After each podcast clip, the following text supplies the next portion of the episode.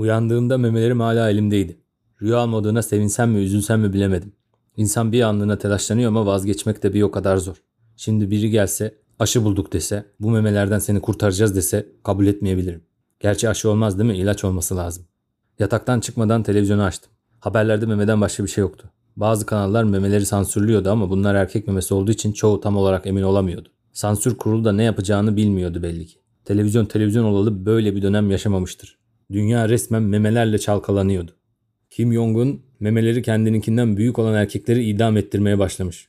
Bir futbolcu kaleciyle karşı karşıyayken memelerini açmış. Kaleci ağzı açık bakarken golünü atmış. Gol yiyen takım hakeme koşup memelerini göstererek itiraz etmiş. Hakem memeleri görünce golü iptal etmiş. Sonra tribündeki herkes memelerini açıp kavgaya başlamış. Memelerden dolayı kavga çok uzun sürmemiş tabi.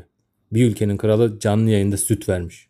Orta Doğu'da bir lider bizim ülkede erkeklerde meme çıkmadı demiş. Saçma sapan bir sürü haber. Bir süre sonra meme görmek artık o kadar ilginç gelmemeye başladı. Sonuçta elimin altında muhteşem iki meme var diye düşündüm. Biraz oynadıktan sonra kalkıp hazırlandım. İtiraf etmem gerekirse biraz heyecanlıydım. İlk defa elime ofiste hava atma fırsatı geçmişti. Hayatım boyunca kaslı biri olmadım. Tahmin etmişsinizdir. Ofiste erkekler kol kası ve araba anahtarı gösterir. Fakat artık sıra bana geldi. Memelerimle gerçekten gurur duyuyorum. Ofise gittiğimde herkesin Humble Tayfun'un etrafında toplandığını gördüm. Kesin dedim patron orada. Yoksa bu kadar kalabalık birikmez.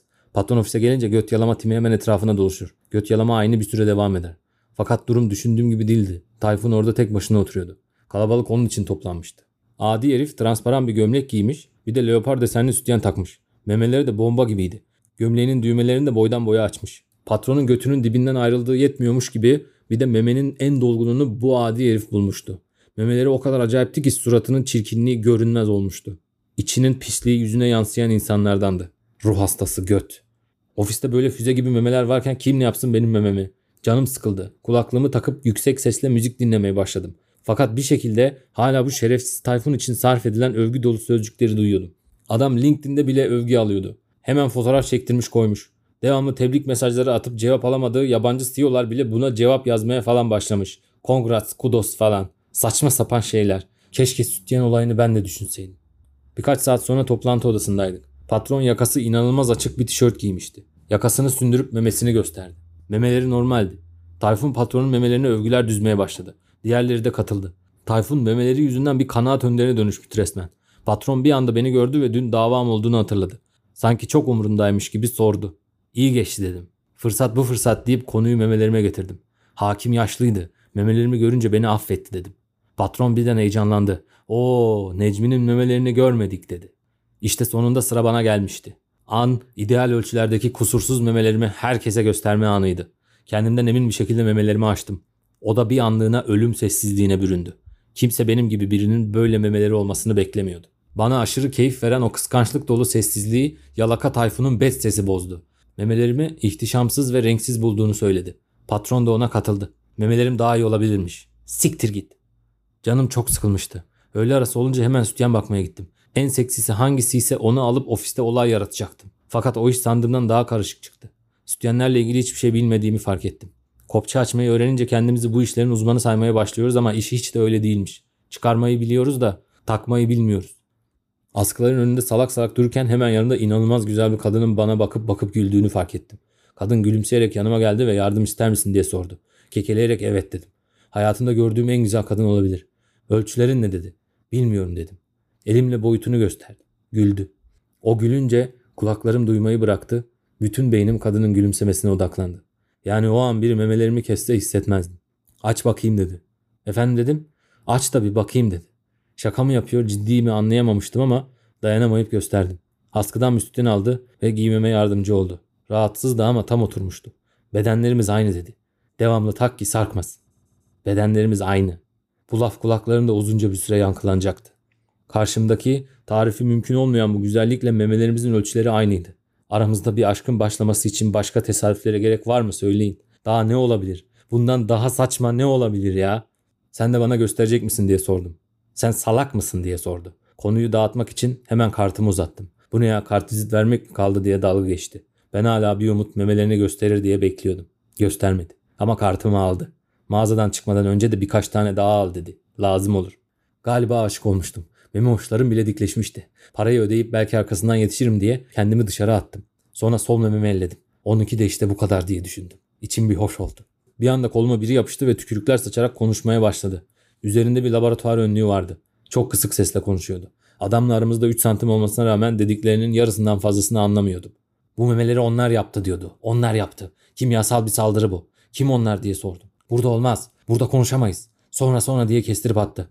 Bir anda memelerimi sıkmaya ve aceleyle ölçmeye başladı. Mükemmel diye bağırdı. Tam da düşündüğüm gibi. O bağırınca herkes bize baktı. Bu sefer adam beni kenara çekti ve anlaşılmayan bir sesle tekrar konuşmaya başladı. Birilerinden saklandığı belliydi. Peşinde birileri varsa kesin doğru söylüyordur diye düşündüm. Ama sanki biraz saçmalıyor gibiydi.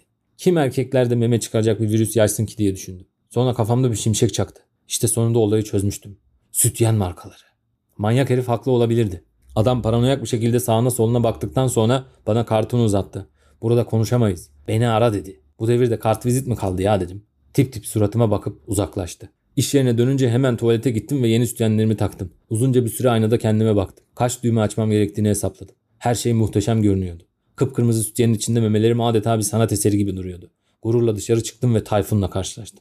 Yemekten dönüyordu. Hemen arkasında da patron vardı. Şerefsiz yemeğe patronla birlikte çıkmıştı. Adam her zaman benden bir adım önceydi. Dili de daima patronun götündeydi. Ben bununla yarışamam diye düşündüm. Daha yerime oturmamıştım ki biçimsiz Tayfun yanımda bitiverdi. Memelerini gözümün içine sokarak patronun emirlerini saymaya başladı. Yarın çok önemli bir sunumumuz var dedi. Patron seninle çalışmamı istedi. Bir şeyler söylüyordu ama dinlemiyordum. Zekası çok kıttı. En aşikar şeyleri bile sanki kompleks bir şeyden bahsedermiş gibi irdeleye irdeleye anlatırdı. Sonuç olarak sunumu benim hazırlayacağımı ve onun süpervize edeceğini söyledi. Sen beceremezsin tarzı birkaç laf soktuysam da anlamadı. Sinirlenmiştim. Bu gerizekalının benim şefimmiş gibi davranması ağrıma gidiyordu. Fakat daha çok ağrıma giden yalakalığın gerçekten de işe yarıyor olmasıydı. Mükemmel memeleriniz de olsa patron göt yalama konusunda ısrarcıydı. O kadar sinirlenmiştim ki akşama kadar hiçbir şey yapamadım. Zaten kimse memelerimle ilgilenmemişti. Bu arada devamlı gidip Tayfun'un memelerine övgüler yağdırıyorlardı. Sinirle çıkıp evin yolunu tuttum. Sunumu evde hazırlayacaktım ama bir gün önceki dallamalar evimin önünde bekliyordu. Çaktırmadan geri döneyim dedim ama olmadı. Beni fark ettiler. Kaçmaya başladım. Sütyen yardımcı oluyordu. Daha rahat koşmaya başlamıştım. Gerçekten iyi bir icat diye düşündüm. Sıkı sıkı tutuyor. Bu durum iyice canımı sıkmaya başlamıştı. Memelerimi gösterip kurtulmayı düşündüm ama bu sefer de istekleri bitmezdi. İleride ellemek, ısırmak isteyeceklerdi. O yüzden koşmaya devam ettim. Şerefsiz sapıklar da gerçekten hızlı koşuyorlardı. Beni neredeyse yakalıyorlardı ki külüstür bir araba üstlerine kırdı. Hepsi başka bir yana kaçtı. Galiba işlerinden birine çarpmıştı. Arabanın kapısı açıldı. İçinde öğlen gördüğüm bilim adamı vardı. Çaresiz adamın arabasına bindim.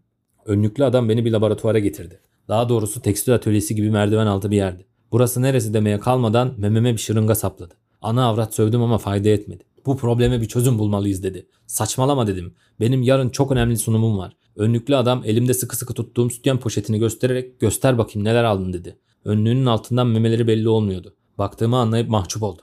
Benimkiler küçük çıktı dedi. Morali bozulmuştu. Adamın tarihten kalma bilgisayarlarından birine geçtim ve sunumu hazırlamaya başladım. Herif ne sıktıysa memelerim acayip yanıyordu. Sinirden de kafam yanıyordu. Sunuma her eklediğim tabloda yavşak Tayfun'u hatırlıyordum. Uzun bir süre çalıştım. Uyandığımda hala bilgisayarın başındaydım. Hemen toparlanıp ofise koştum. Geç kalmıştım. Ofise gittiğimde müşteriler çoktan gelmişti. Tayfun anlamlı anlamlı bakıyordu. Hayatımda bu kadar mal bir insan tanımadım. Sen kimsin göt? Önüne bak. Gömleğimin birkaç düğmesini açıp sunuma başladım. Müşteriler inanılmaz etkilenmiş gibiydi. Tayfun'un her şeyi kendi yapmış gibi müşteriyle göz göze gelmeye çalıştığını görüyordum. Bir insanın nasıl bu kadar alçılabileceğini düşünüyordum ki hayatımda başıma gelen en saçma şey gerçekleşti. Memelerimden süt akmaya başladı. Süt yenim gömleğim sırılsıklam olmuştu ve akıntı durmuyordu. Bir montofon ineği gibi süt veriyordum. Bu arada sızarken canımı da acıtıyordu. Telaşla gömleğimin önünü açtım ve süt yenimi çıkardım. Canım çok yanıyordu. Bu arada süt fışkırmaya devam ediyordu. Toplantı salonunun her yanı süt olmuştu. Müşteriler de sırılsıklam olmuştu. Ama kimse ne yapması gerektiğini bilmiyordu. Sunum rezil olmuştu. Yavşak Tayfun ayağa kalktı ve beni dışarı çıkardı. Her şeyi rezil etmiştim. Toplantının geri kalanında Tayfun devasa memeleriyle müşterileri etkilemeyi başarmış ve benim bütün emeklerimin üstüne konmuştu. Ben de rezil olduğumla kaldım. O an aklıma o dangalak memesiz bilim adamı geldi. Tüm bunlar onun yaptığı yine yüzünden olmalıydı. Şerefsiz herif. Ulan bugün yapılacak şey mi ya bu? Terfi bekliyordum. Çaycı abi bana iki tane sürahi getirdi. Bunların içine akıt. Ortalığı batırma dedi. Talime sıçayım. Meh, meh.